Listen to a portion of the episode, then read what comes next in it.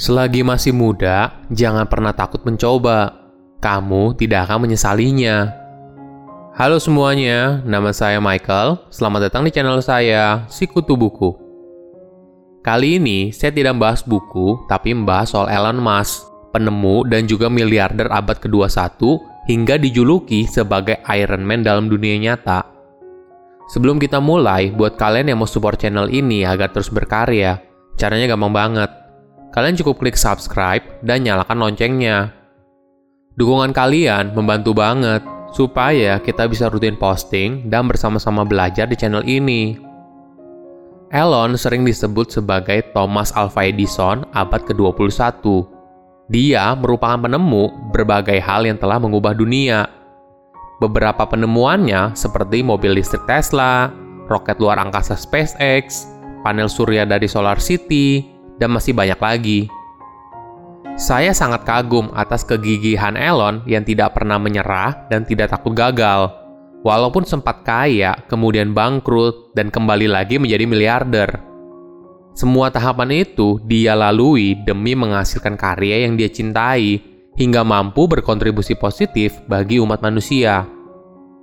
Jiwa Elon sebagai seorang inventor ternyata sudah ada sejak dulu Ayahnya merupakan seorang insinyur dan ibunya merupakan seorang model.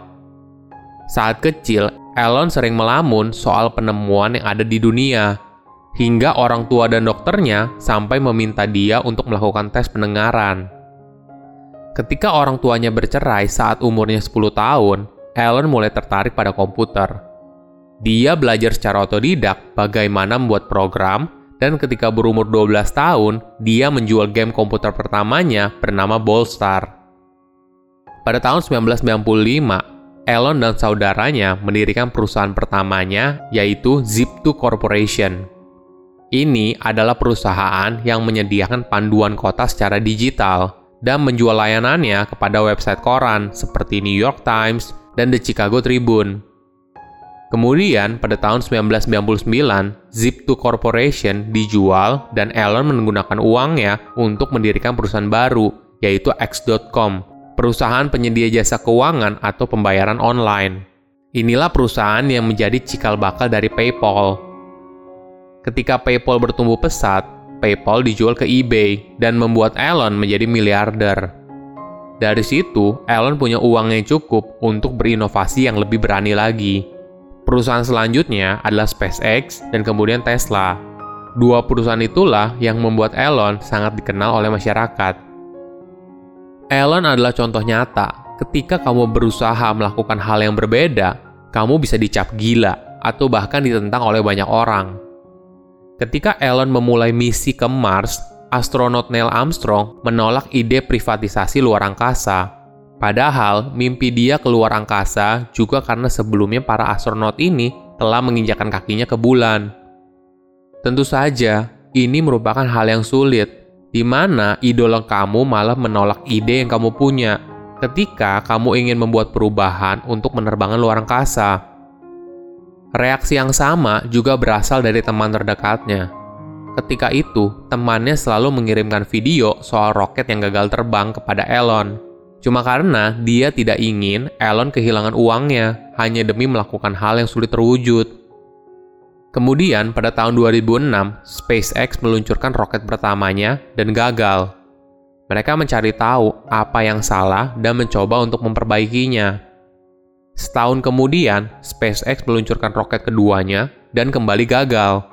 Saat itu, mereka hampir berhasil, pada tahun 2008, SpaceX meluncurkan roket ketiganya dan gagal lagi.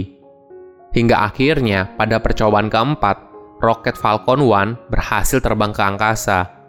Itu merupakan momen bersejarah bagi Elon dan SpaceX. Pesan dari kisah ini adalah, kamu tidak akan belajar apa pun dari kesuksesan, tapi kamu akan belajar banyak dari kegagalan. Ada hal menarik dari nasihat Elon untuk anak muda Selagi kamu muda dan belum ada tanggungan, beranikan diri kamu untuk mengambil resiko. Karena semakin kamu dewasa, maka mungkin saja tanggungan kamu akan bertambah.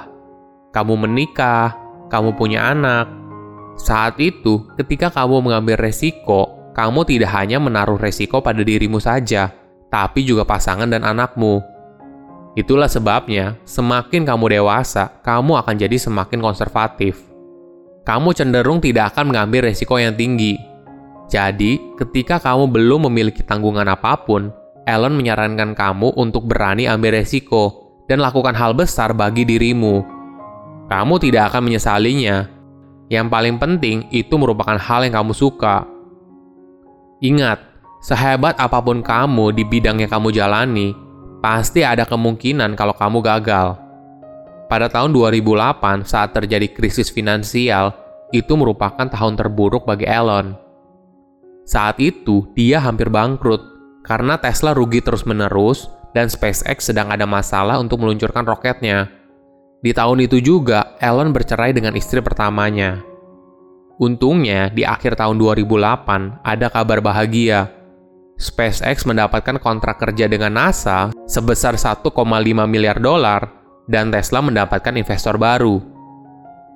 Kecintaan kamu atas apa yang kamu lakukan akan membuat kamu terus berjuang di masa sulit, hingga akhirnya kamu berhasil melewatinya. Ada beberapa tips menjadi pengusaha sukses dari Elon. Pertama, jika kamu beneran suka dengan apa yang kamu lakukan, kamu harus bersedia untuk bekerja keras demi mewujudkannya. Alan bercerita saat awal merintis Zip2 Corporation bersama saudaranya, saat itu dia tidak menyewa apartemen, hanya sebuah kantor kecil dan mereka tidur di sofa. Mereka hanya punya satu komputer dan websitenya aktif dari pagi hingga siang hari. Kemudian Elon coding di malam hari. Siklus ini berlanjut setiap hari. Sederhananya seperti ini.